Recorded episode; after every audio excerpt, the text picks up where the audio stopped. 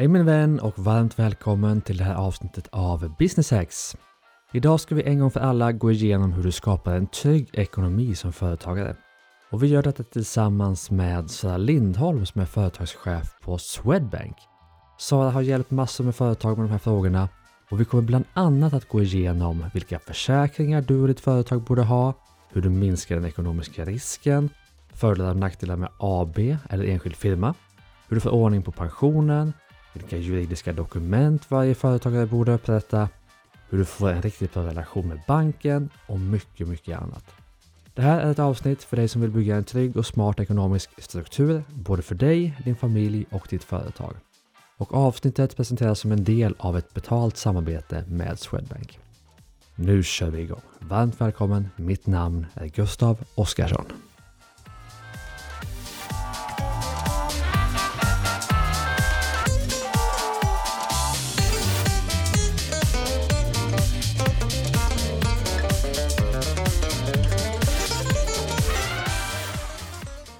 Hej och välkommen till eh, Business Hacks, eh, Sara Lindholm.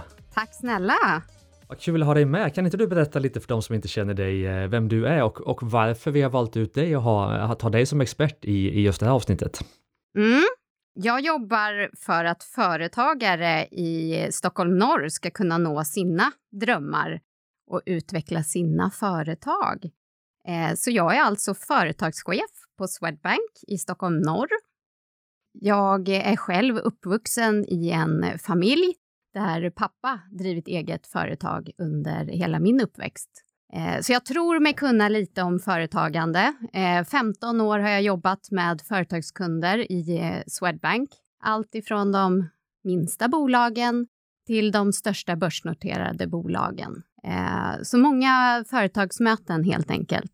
Mm, vad spännande, för jag tänker att det här är ett litet specialavsnitt för oss också. Vi gör ju väldigt sällan eh, avsnitt tillsammans med våra partners, men här kände vi att dels så har ju ni väldigt tydligt visat att ni vill hjälpa företagare i den tuffa tid som vi, som vi är i nu och det är också väldigt fint för oss företagare att få lite en, eh, en inifrån perspektiv för hur eh, ni på banken tänker och ni har ju, jag tänker att du har sett väldigt många både dos and don'ts under din karriär på Swedbank, eh, så vad man ska göra just kring både företagets ekonomi men också företagarens ekonomi tänker jag. Så det tänkte jag vi skulle snacka om idag. Hur känns det? Det känns jättebra.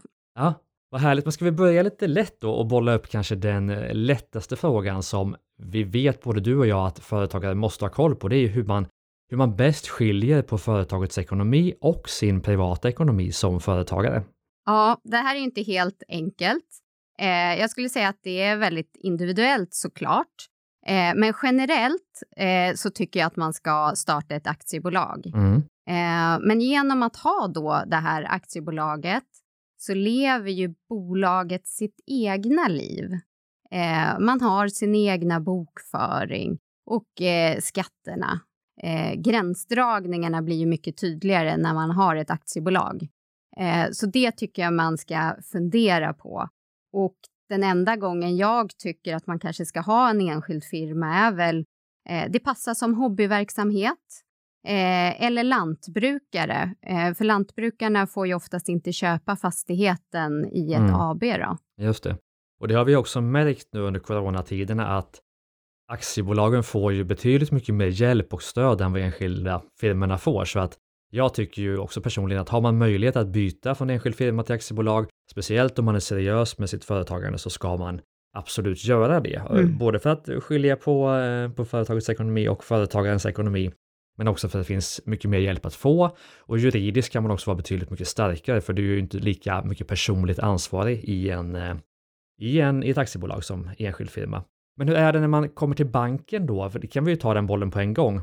Är det lättare att få lån och hjälp av banken när man har aktiebolag kontra enskild firma? Eh, svårt att säga generellt. Det finns ju andra delar. Om man tänker på, går det väldigt bra i sin verksamhet mm. eh, så skiljer ju skatten på vinst. Mm. Eh, I den enskilda firman, då måste du ju beskatta vinsten som tjänst. Medan har du ett aktiebolag, ja då kan du ju välja om du vill ta ut lön, utdelning eller om pengarna ska jobba bäst kvar i verksamheten. Mm. Så på så sätt så blir ju möjligheterna att planera mycket bättre om man eh, har ett AB då, då. Absolut. Ska vi eh, stanna lite där? För jag tänker att en viktig fråga kopplat både till företagets och företagarens ekonomi, det är just hur man ska ta ut pengar ifrån bolaget. Alltså ska det vara utdelning eller lön? Har du några insikter och tankar kring det? Mm, absolut. Alltså förutsatt att bolaget går bra eh, och att man har pengar i kassan mm. eh, så tycker jag att man ska tänka att man ska ta ut en lön så att pension, så man kommer upp till, det pensionsgrundande inkomsttaket.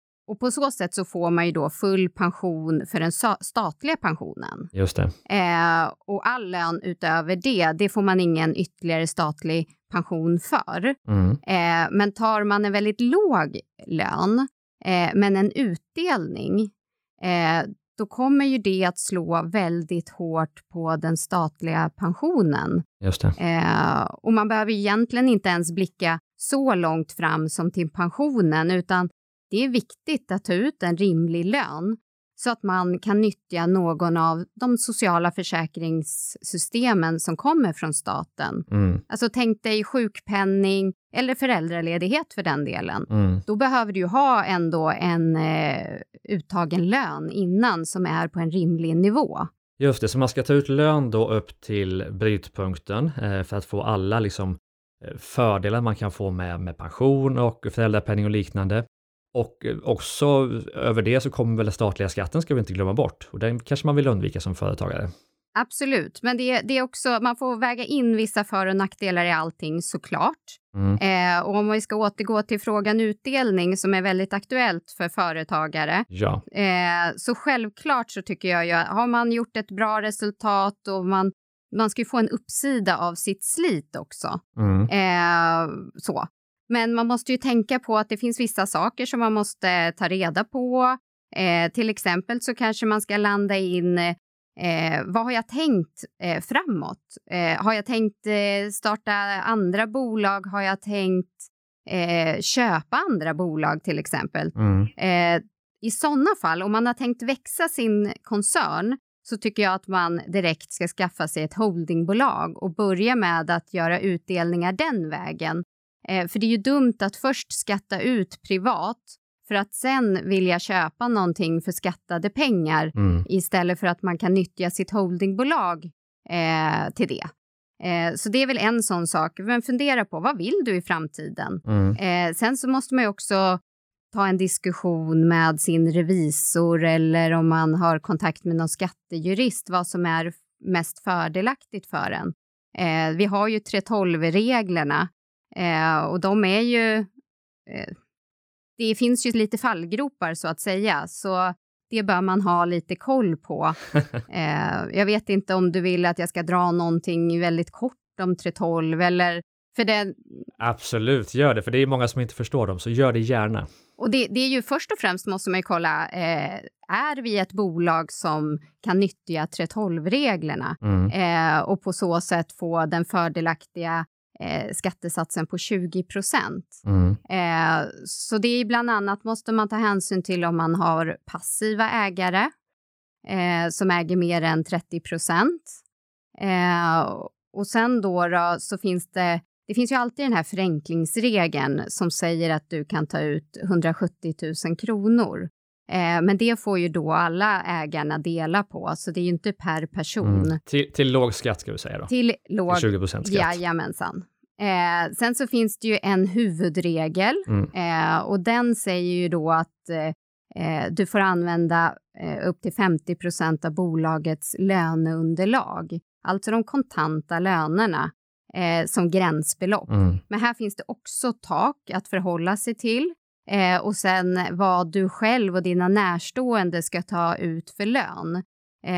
så det är därför det är viktigt att ha lite koll på det här. Mm. För du vill ju inte gå över gränsbeloppet för då blir det ju beskattning som att det vore en lön. Mm. Och då kan ju lönen vara allt ifrån, ja, vadå, 32 till 57 procent skatt ungefär. Mm. Eh, så därför måste man eh, se till att man inte hamnar i de här fallgroparna. Då. Så för att sammanfatta det så som företagare så borde man ta ut en lön för att få allt kring trygghetssystemet så där som är upp till gränsbeloppet som är ungefär 42 000 i månaden. Mm. Och utöver det så ska man så gott det går då eh, utnyttja 12-reglerna för att få utdelning till låg skatt, alltså 20 procent. Och där kan det vara smart att ha ett holdingbolag, för har man ett holdingbolag kan man också ta utdelning eh, skattefritt upp till holdingbolaget och spara pengarna där och eh, investera dem på olika sätt om man har det målet. Har jag förstått det rätt då? Som, som, som någon form av sammanfattning. Ja. Vi lägger in en liten passus här för att rätta oss själva med de belopp som det ska vara för 2020. Och den högsta inkomst som utgör underlag för allmän pension för 2020 är 44 892 kronor per månad och brytpunkten för statlig skatt för 2020 är 43 600 kronor per månad. Men där behöver man ju ta hjälp då, både kring ekonomin och administrationen, tycker ju jag. Ja, jättebra. Tycker du att man ska ta hjälp av att ha redovisningsfirma, revisor som hjälper med detta och sköter det dagliga ekonomiska arbetet i bolaget?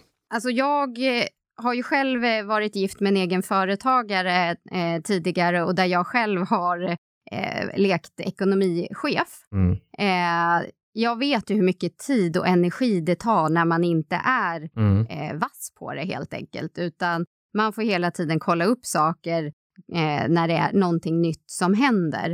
Eh, det tar mycket tid och energi och frågan är, eh, ska man lägga sin tid på sånt eller ska man lägga tiden på det man är bra på, alltså att eh, eh, driva och utveckla sitt företag? Mm. Eh, alla har ju inte möjligheten, framförallt inte vid ett mindre bolag eller ett nystartat bolag, att ta hjälp. Men när man känner ändå att man har kommit lite över tröskeln så tror jag att det är eh, bra att få någon som eh, är duktig på det. Och i dagsläget finns det så många duktiga redovisningsbyråer som också jobbar eh, så väldigt automatiserat. Mm. Så det behöver inte kosta så mycket, för mycket sker med automatik om man är inne i rätt typ av program. Absolut. Så det är faktiskt, eh, det kan löna sig att ha en god rådgivare i andra änden skulle jag säga. Mm. Ja, det är många kronor man kan spara tror jag i andra änden om man gör rätt från början. Så att även om man inte kan ha en revisor kanske varje år eller vill ha en redovisningsfirma löpande så att ta hjälp och sätta upp processerna tycker jag är ett smart, eh, ett smart råd så att allt blir rätt från början så man slipper hamna i de här fallgroparna med utdelningsregler eller vad det nu kan vara. Mm. Absolut.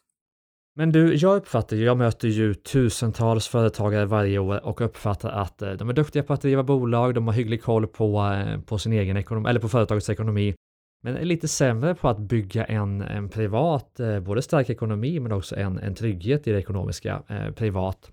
Och du som har träffat så många företag, vilka misstag ser du ofta som företagare gör gällande sin, sin privata ekonomi och trygghet? Eh, ja, det finns ju... Alltså generellt så skulle jag säga att man tänker på alla andra utom sig själv. Mm. Eh, så skulle jag nog sammanfatta det. För det, man prioriterar bort sig själv. Mm. Allt ifrån vad det gäller sin lönemässiga utveckling till försäkringar. Jag brukar lite skämtsamt eh, säga att det finns en sjukdomsbild som alla företagare eh, har, eller oftast entreprenörer och företagare har. Mm. Eh, kan du gissa vilken eh, den eh, sjukdomsbilden är? Oj, nej, jag... Nej, faktiskt inte. Svår fråga. Ja, verkligen. Eh, men jag skulle säga så här, man är odödlig. Jaha, du tänker så. Man, jo, men det stämmer. Det är jag, jag är odödlig, definitivt. Man blir aldrig sjuk. Kom, jag kommer inte skada mig. Mm. Nej, nej, nej. Det är, och det är väl en sån sak eh, som gör att man inte har tänkt till när, oavsett när det gäller försäkringar och juridik och så. Då, då. Mhm. Så jag tror att med, med den vetskapen eh, som vi har idag med en eh, pågående pandemi eh, så är vi ju inte odödliga. Eh, och därför så måste vi ju trygga efterlevande, vi måste trygga om någonting händer, juridiska avtal. Eh, det här är sånt som jag skulle säga att 99 procent nästan av våra kunder eh, sopar under mattan och tänker jag ska ta det sen. Mhm. Eh, det är väldigt vanligt i alla fall. 99 ja. kanske var att ta i, men du förstår, det är otroligt vanligt. Jag förstår, och då blir jag så för det här är en väldigt hands-on och konkret på, då vill jag veta, kan vi börja med försäkringarna? Vilka försäkringar behöver jag få på plats som företagare? Mm. Ja, det är, många tycker ju att det här är ett jättetråkigt och osexigt ämne, försäkringar, och jag fattar det. Eh, mm. Så jag ska försöka liksom ta det lite eh, förenklat så man ändå hänger med då. då.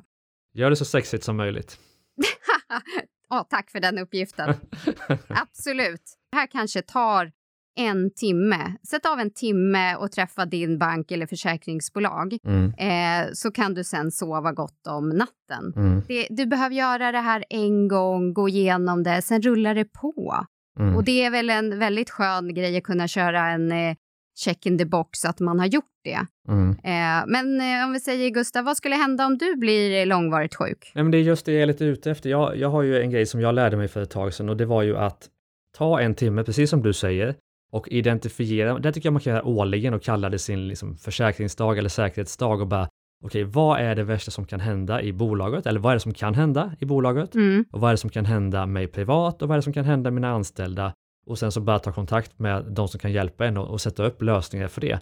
Men jag tror för mig personligen så är det ju att, att jag skulle bli sjuk eller skadad. Det skulle ju vara, eh, som för många andra, eh, väldigt dåligt för, för företaget och för min, för de omkring mig också naturligtvis. Ja, men det är ju det. Och om man tänker eh, ekonomiskt då, då, kan ju vara ett jättestort inkomstbortfall för familjen. Mm. Och det blir ett extra stort, eh, en stor påverkan om man tjänar väldigt mycket. Mm. Och i samma veva så kanske du inte kan göra några utdelningar eh, från bolaget som du är van med för att bolaget påverkas så mycket. Just det. Eh, så en sjukförsäkring eh, med premiebefrielse som täcker upp eh, tappet och som täcker upp eh, avsättning till pension. Mm. Det är lite grunden man ska ha. Mm. Eh, sen finns det ju något som heter sjukvårdsförsäkring. Eh, det här kan ju vara lite omtalat. En del tycker att det är jättebra mm. och en del tycker att eh, vi inte ska behöva ha privata sjukvårdsförsäkringar. Jag förstår det, men för företagare så är det väldigt viktigt att kunna komma tillbaka till jobbet så fort som möjligt. Alltså få snabb vård vid skada, eh, och snabbt tillbaks till jobbet. Det gynnar alla i eh, samhället att det är så. Mm. Eh, sen så skulle man ju önska att allting skulle fungera snabbt och enkelt i den eh, vanliga vården, men så är det inte alltid. Och skulle olyckan vara framme så behöver man även ha en olycksfallsförsäkring. Mm. Och det är, ju, det är ju så att staten täcker inte upp Eh, för din olycka så att säga. Eh, och då kan man behöva ha en olycksfallsförsäkring som betalar ut eh, individersätt, eh, invad, invaliditetsersättning eh, om det blir en varakt, ett varak, varaktigt men. Då. Just det. Och det här tänker jag att man borde ha både för sig själv då som företagsledare men också för att, att se till att nyckelpersonerna i bolaget har det, för de är ju lika viktiga att de ska komma tillbaka snabbt. Ja, men där har du en jätteviktig poäng med nyckelpersonerna. Man måste ju gå igenom sina risker också som företagare och en sån sak är ju mm. eh, hur behåller jag nyckelpersoner? Eh, och är man då beroende av en nyckelperson så är det viktigt att man även har en sjukvårdsförsäkring för dem. Då, då. Vilka mer försäkringar behöver man ha då, än de du har varit igenom än så länge? Mm. Eh, tjänstegruppliv eh, är ju någonting som företaget kan betala mm. eh, och som är en liten stöttning om man skulle avlida alltså en stöttning till familjen. Mm. Eh, annars så livförsäkring ska man ju betala privat mm. eh, och det är ju jätteviktigt att ha. Och det är ju för att eh, skydda sin familj om man går bort så att de kan bo kvar i huset eller behålla en bra standard. Och där läste jag faktiskt att en tredjedel av alla ska säga, efterlevande får lämna sina hus för att det inte har funnits en livförsäkring mm. för att täcka. Mm. Så det är verkligen värt att, att tänka på. Det är ju fruktansvärt eh, det första att man blir av med sin respektive och det är ännu värre att man måste mm. eh, förändra hela sin eh, situation och familjen, riva upp familjen från sitt boende. Mm.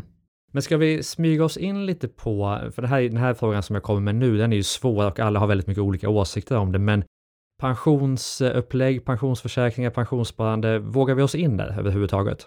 Mm, absolut, men först eh, så kom jag på att vi höll på att missa en av de viktigaste för en företagare. Ja. Driver du företag tillsammans med någon annan, ja, då behöver du ha en kompanjonsförsäkring. Det är ju jätteviktigt. just det. Eh, det här är ju för att du ska ha råd att eh, lösa ut arvingarna. Mm. Säg att din kompanjon går bort. Eh, hur ska du ha råd att eh, betala ut arvingarna om du inte vill driva det vidare tillsammans med eh, arvingarna? Mm. Hur, funkar hur funkar en sån försäkring? Ja, men jag tycker att man ska ha ett eh, aktieägaravtal som i det säger vilket värde man sätter på bolaget. Mm. Eh, och genom att eh, ha det på plats så vet man ju också vilket belopp man ska försäkra. Mm. Sen kan ju det här ändra sig från tid till annan om bolaget utvecklar sig såklart. Mm. Men då har man i alla fall en fingervisning vad man kan börja med. Mm. Och eh, säga att bolaget är värt 10 miljoner. Mm. Har du råd att eh, få fram 5 miljoner för att lösa ut arvingarna? Förmodligen inte, för pengarna finns ju i bolaget ofta. Mm, precis. Mm. Så då, är det ju, då måste man försäkra upp det beloppet. Så skulle det hända så kan man driva vidare bolaget Mm. eh, och eh, göra sig kvitt arvingarna så att säga. Just det. Ja, men det är toppen. Mm. Ja, den är ju jätteviktig. Vad, vad skönt att du avbröt mina tankar om pension där och kom, kom in med den. Men, men nu kan vi ta pension tycker jag. ja, absolut. Ska vi sammanfatta bara? ja, men absolut. eh, för det är ju väldigt många försäkringar kan ju många tycka. Mm. Men tänk sjukförsäkring, sjukvårdsförsäkring, olycksfall, Mm. gruppliv eller privat försäk- livförsäkring för att skydda familjen Just det. och kompanjonsförsäkring som vi var inne på här nu sist.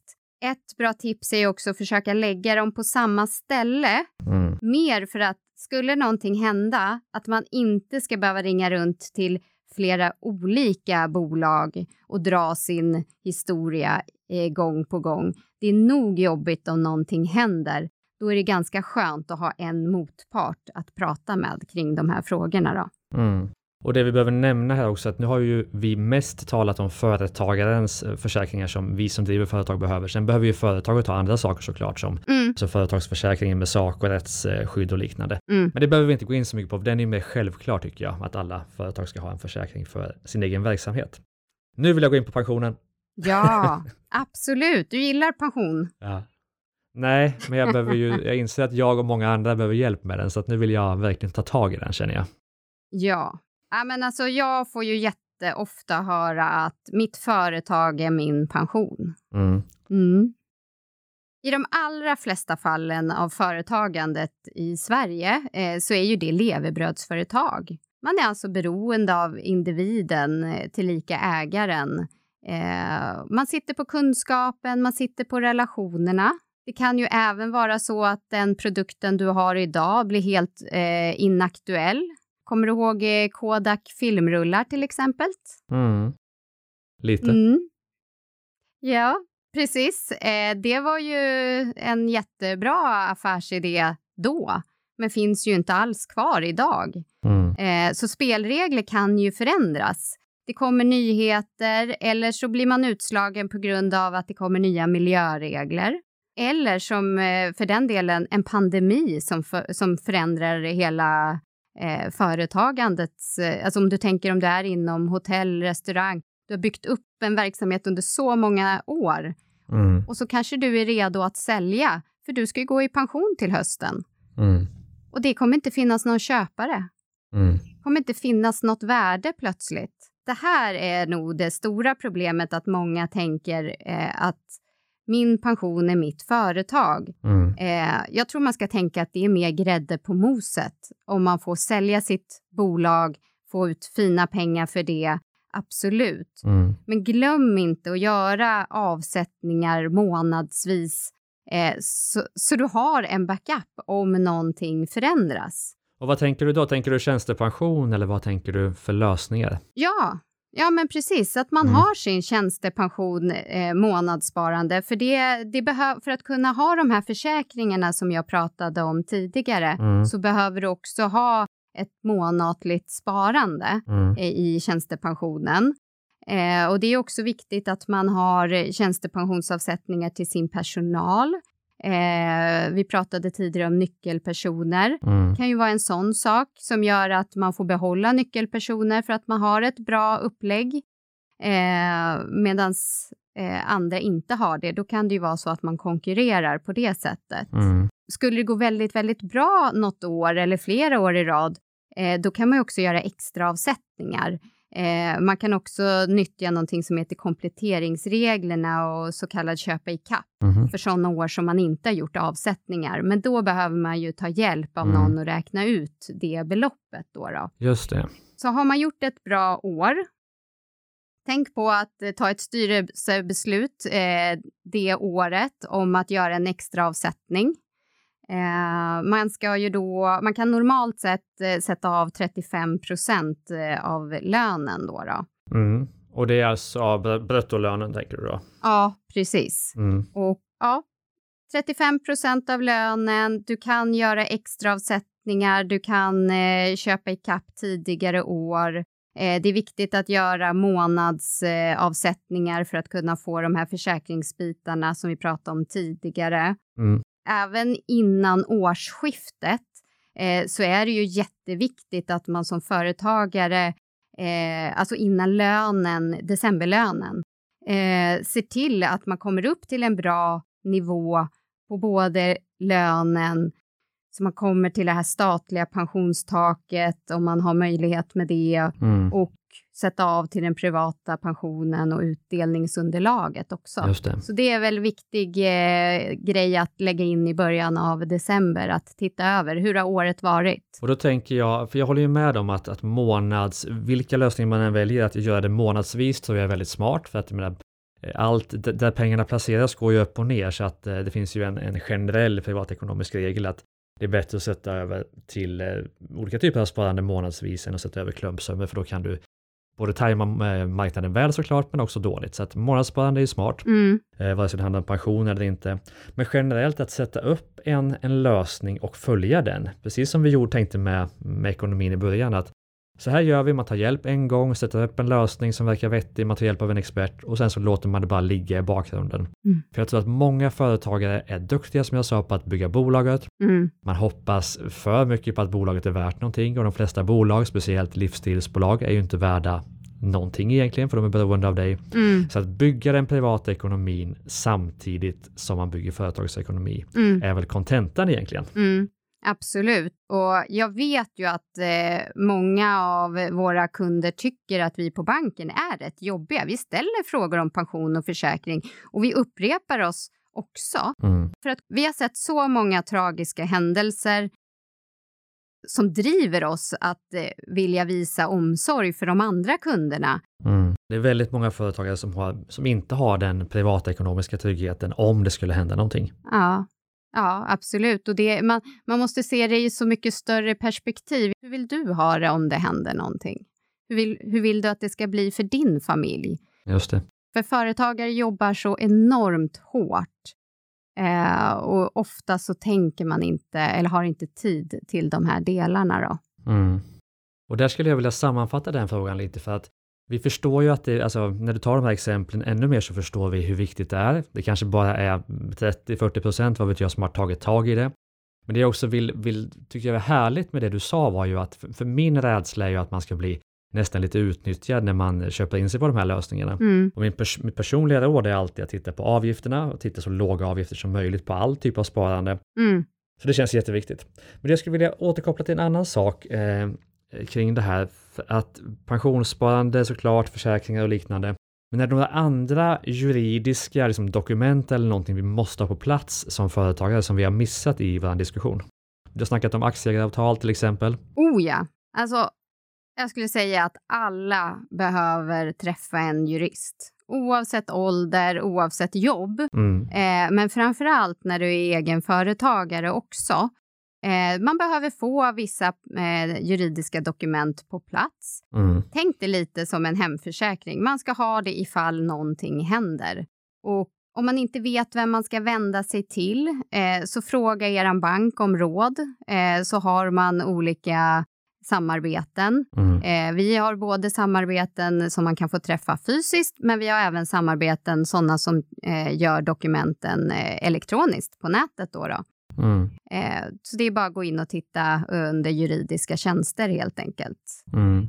Eh, men vad behöver man då för juridiska dokument var ju frågan. Eh, och vi har lite varit inne på aktieägaravtalet. Det kallas också ibland för kompanjonsavtal. Mm. Det är ju ett internt dokument, så det är ingenting som publiceras publikt. För här finns det ju väldigt mycket känslig information många gånger.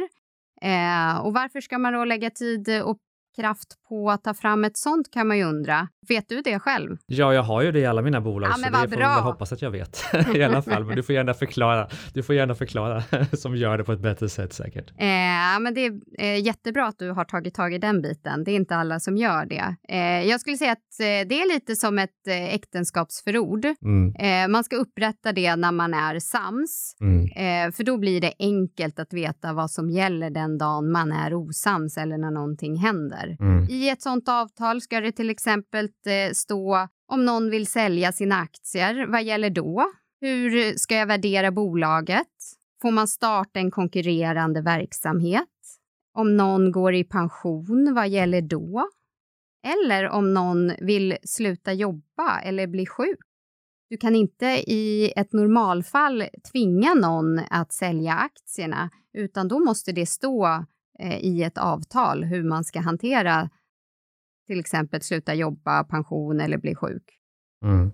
Och det är ju inte jättekul att vara den som sliter och drar in alla jobben och så ska man dela på utdelningen med någon annan. Mm. Det är sådana delar som är jätteviktigt. Men till det här är det också jätteviktigt att tänka om man är gift Mm. så tycker jag det ska stå att det ska vara ett äktenskapsförord i de äktenskapen. Just det. Att det ska vara ett krav helt enkelt. Eh, här är ju såklart man får vara, det är ju individuellt, självklart. Men om man inte vill driva bolaget vidare med sin kompanjons exfru eller exman så eh, är det på sin plats att ha ett äktenskapsförord. För i äktenskapsförordet kan man ju då säga att bolaget är ens enskilda egendom. Mm. Annars så får ju exet 50% av eh, aktiebolagets eh, värde, eller rättare sagt aktierna till en början då, Mm. eh, efter skilsmässan. Just det. Och en skilsmässa vet ju många hur det kan vara. Det, kan ju, det är inte jätteroligt alltid Mm. eh, om man är osams och det kan ju äventyra bolagets framtid. Mm. Den egna och även personalens anställningar och därför så är det viktigt att koppla ett äktenskapsförord till just företagsägandet. Mm. Just det. Så de hänger lite ihop skulle jag säga, aktieägaravtalet och äktenskapsförordet där då. Just det. Är det några andra dokument som vi behöver skaffa oss, vi som driver företag? Det är ju som alla andra är ju testamente Mm. och det är ju viktigt att eh, ta ställning till den dagen jag inte finns. Hur ska mina tillgångar fördelas? Mm. Det finns vissa delar som alltid går till eh, till exempel barnen och det är laglott och allt vad det heter. Mm. Men säg till exempel att man har en familjegård som har gått i generationer. Då kan man i sitt testamente ge bort den delen till sina barn som enskild egendom och på så sätt skydda att eh, fastigheten kvarstår i släkten. För om ens barn i framtiden annars går och skiljer sig, då kommer ju det dela sig och då kanske man måste sälja den.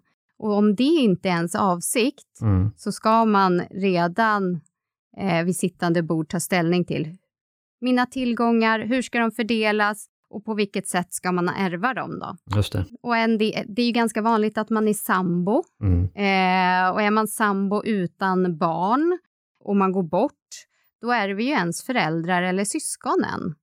Är det avsikten?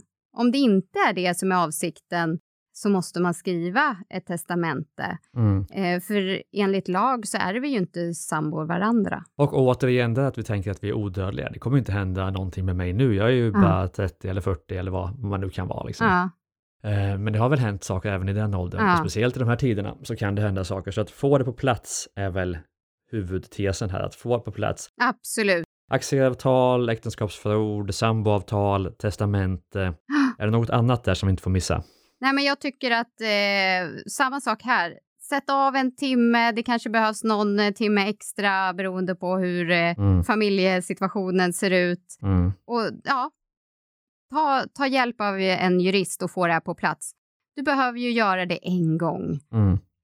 Så har du det på plats. Exakt, och det finns ju så mycket, alltså det är ju ganska standardiserat med att de flesta problem har ju jurister löst innan. Mm. Så det finns så mycket hjälp att få, på några timmar så kan du få ordning på alla de här avtalen Mm. och sova förmodligen väldigt mycket godare om natten. Så att samma både med ekonomin, juridiken, försäkringarna.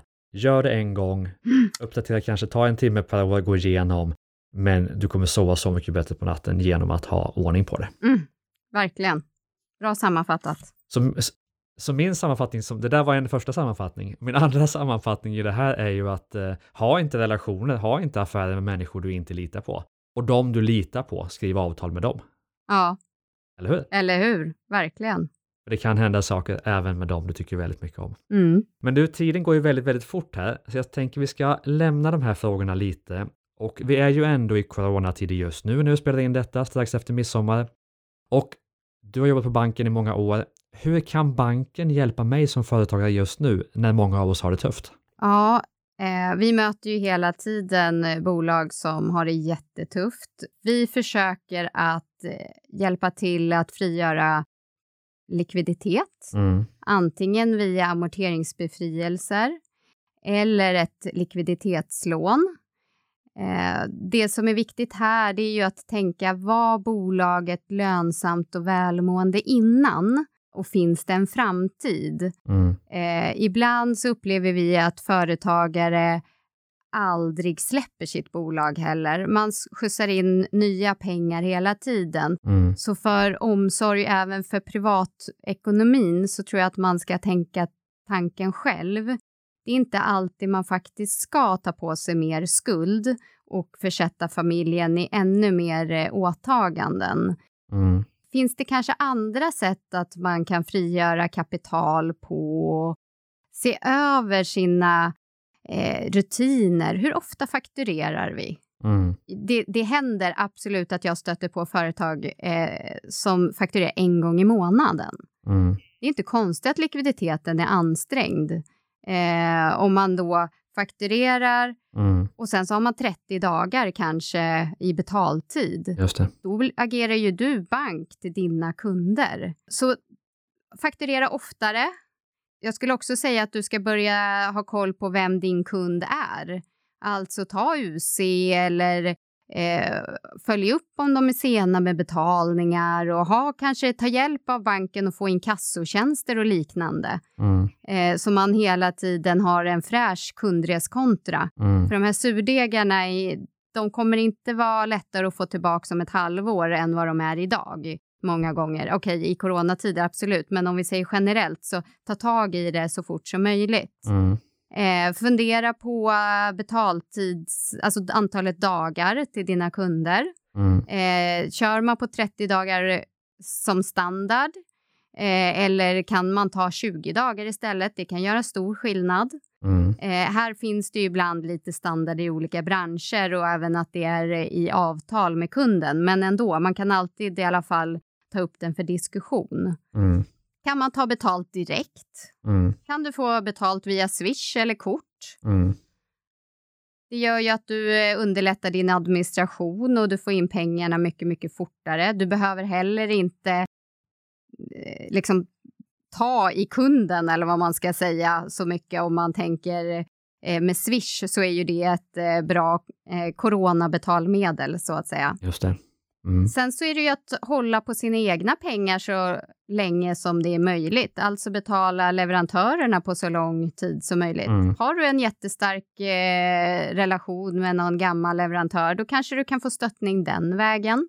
mm, Se över även ditt kassaflöde. Vad är det som binder kapitalet? Eh, istället för att bara tänka jag ska ta mer lån. Eh, mm, för det är inte alltid det som är bäst för dig. just det. Så skulle jag säga. Mm, Så och kom gärna och prata med banken om eh, effektiva betallösningar och eh, hur vi ser på det. Mitt gäng, jag ansvarar ju även för eh, kundstöd och eh, de eh, skickar ut massa mejl till våra kunder. Har du tänkt på det här i coronatider? Hur kan vi hjälpa er? Och sen följer de upp med ett samtal för att se vad kan vi göra idag för att eh, du, kära kund, ska överleva. Mm. Eh, vi har ju ett gemensamt intresse att ha omsorg för varandra eh, och det tycker jag är jätteviktigt. Mm. Ja, precis. Men det jag skulle vilja, det är jag tacksam för. Vi har ju ingått ett samarbete med er och eh, ni har ju haft en väldigt tydlig approach på att vi ska hjälpa kunderna. Vi ska hjälpa alla som vill eh, ha hjälp att ta, ta sig igenom den här tiden. Och det eh, uppskattar vi väldigt mycket och det är därför också vi kan göra det här avsnittet tillsammans. Men jag har ju haft företag i 10-12 år någonstans och har inte, jag ska vara helt ärlig, inte alltid känt att banken förstår mig som företagare. Det vill säga jag kanske inte tar ut lön på samma sätt som alla andra och inte har liksom samma ekonomiska upplägg som alla andra. Från bankens sida då, eh, vad, vad kan ni rekommendera till oss som företagare för att ni ska kunna hjälpa oss så mycket som möjligt? Förstår du, förstår du vad jag menar då? Mm. Alltså mycket handlar ju om att vara transparent mot oss också och informera oss eh, när det händer saker och hur det utvecklas. Och skapar man en relation mm. eh, så är det ju också lättare för en bank att ge bra råd. Mm. Eh, om företagaren vill hålla... Så man ska ha en personlig kontakt, det är viktigt i alla fall? Att ha en personlig bankman om man säger så. Alltså beroende på hur komplex din affär är mm. eh, så behövs ju det. Däremot så för de allra flesta och för de mindre företagen mm. eh, så behöver ju de en bank när man själv sitter med papperna på kvällen på helgen. Mm. Och då har ju vi fantastisk support av vår, de som jobbar på våra kundcenter och hjälper till där. Så om det är, det finns jättemånga som får jättebra hjälp den vägen. Mm. Men om du har lite mer komplex affärsidé och behöver än mer hjälp mm. och är lite större bolag så har du väldigt mycket nytta av att ha en god relation med din kundansvariga Det. Eh, för då kan vi också förstå, sätta sig in i verksamheten, mm. eh, ge bättre råd helt enkelt. Och ibland mm. så kan det bästa rådet eh, vara att avstå en affär också. Och det, har man skapat sig en sån bra relation så är det väldigt eh, skönt om ens banktjänsteman kan säga ifrån att det där tror inte jag är bra för dig. Mm. Eller är det likadant att man vågar ta ställning till att det här borde du ha. Mm. Du borde faktiskt ha de här bitarna på plats. Det, du måste tänka på dig själv. Mm. Och känner man inte varandra så är det ju svårt att ha den dialogen också. Just det.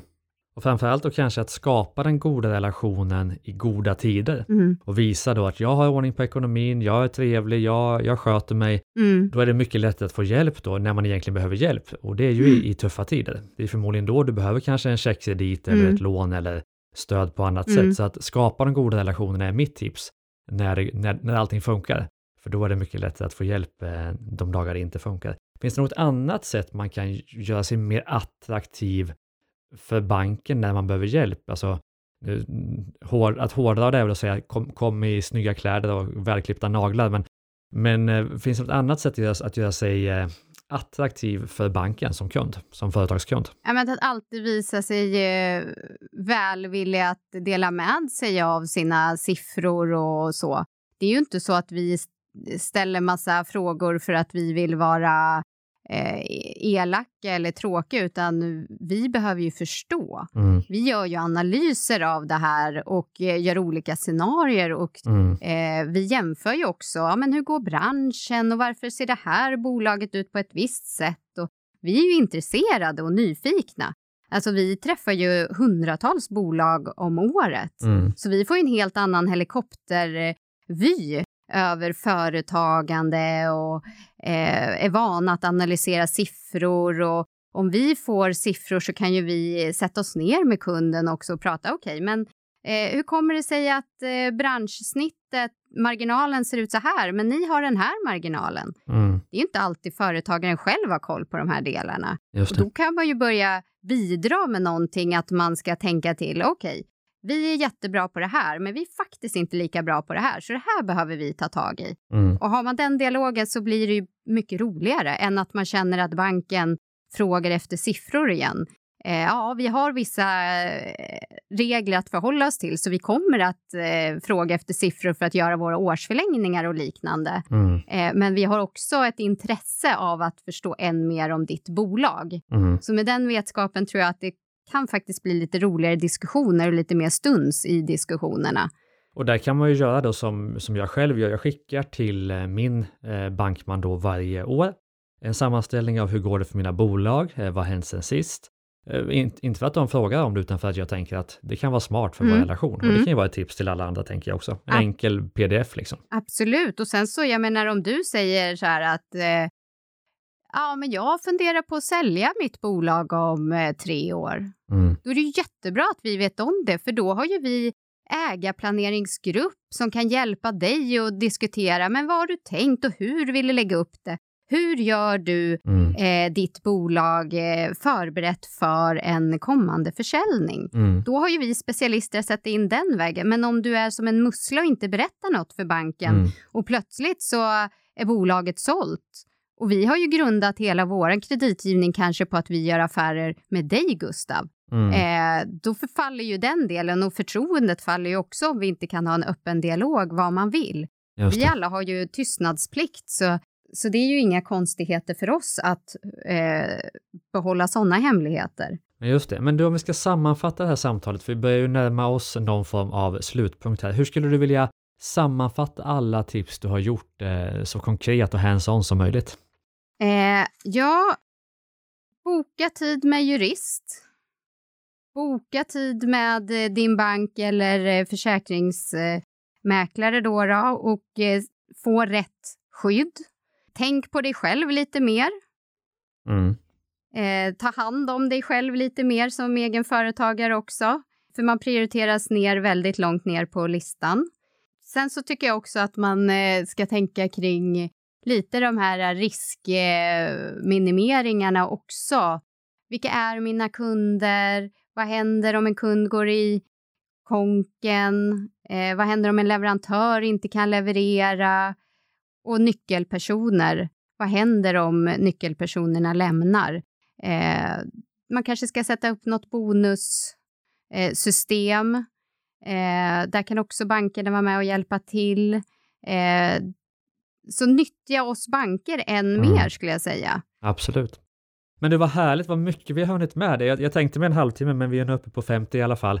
Men det fanns så mycket att hämta här eh, med smarta konkreta tips, precis som vi vill ha det i BusinessX om hur man både kan bygga en stark eh, ekonomi i bolaget men också såklart eh, som privatperson och verkligen ta tag i det här med att få det här skyddet både för sig själv och sin familj och de viktiga personerna i bolaget för att kunna sova bättre om natten. Och ofta handlar det som du har varit inne på om att göra en sak en gång, få koll på det, kanske följa upp en timme per år. Men att göra de här sakerna en gång gör en enorm skillnad för hur ditt privatekonomiska läge kommer att se ut. Det är väl också en sammanfattning, tänker jag. Ja, det var en bra sammanfattning.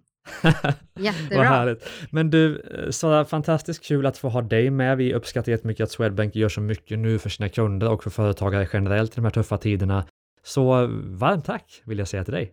Ja, men tack snälla. Trevlig sommar! Ja, men detsamma, verkligen. Och jag vill avsluta eh, det här poddavsnittet i Business X med att säga att du hittar alla våra poddar där poddar finns, på Podcaster eller Acast eller Spotify eller vart du nu lyssnar på poddar. Såklart finns de också på driva-eget.se och på mittföretag.com. Så att du som lyssnar på det här, jag vill önska dig en härlig fortsatt sommar och vi avslutar som vanligt med musik ifrån Soundry.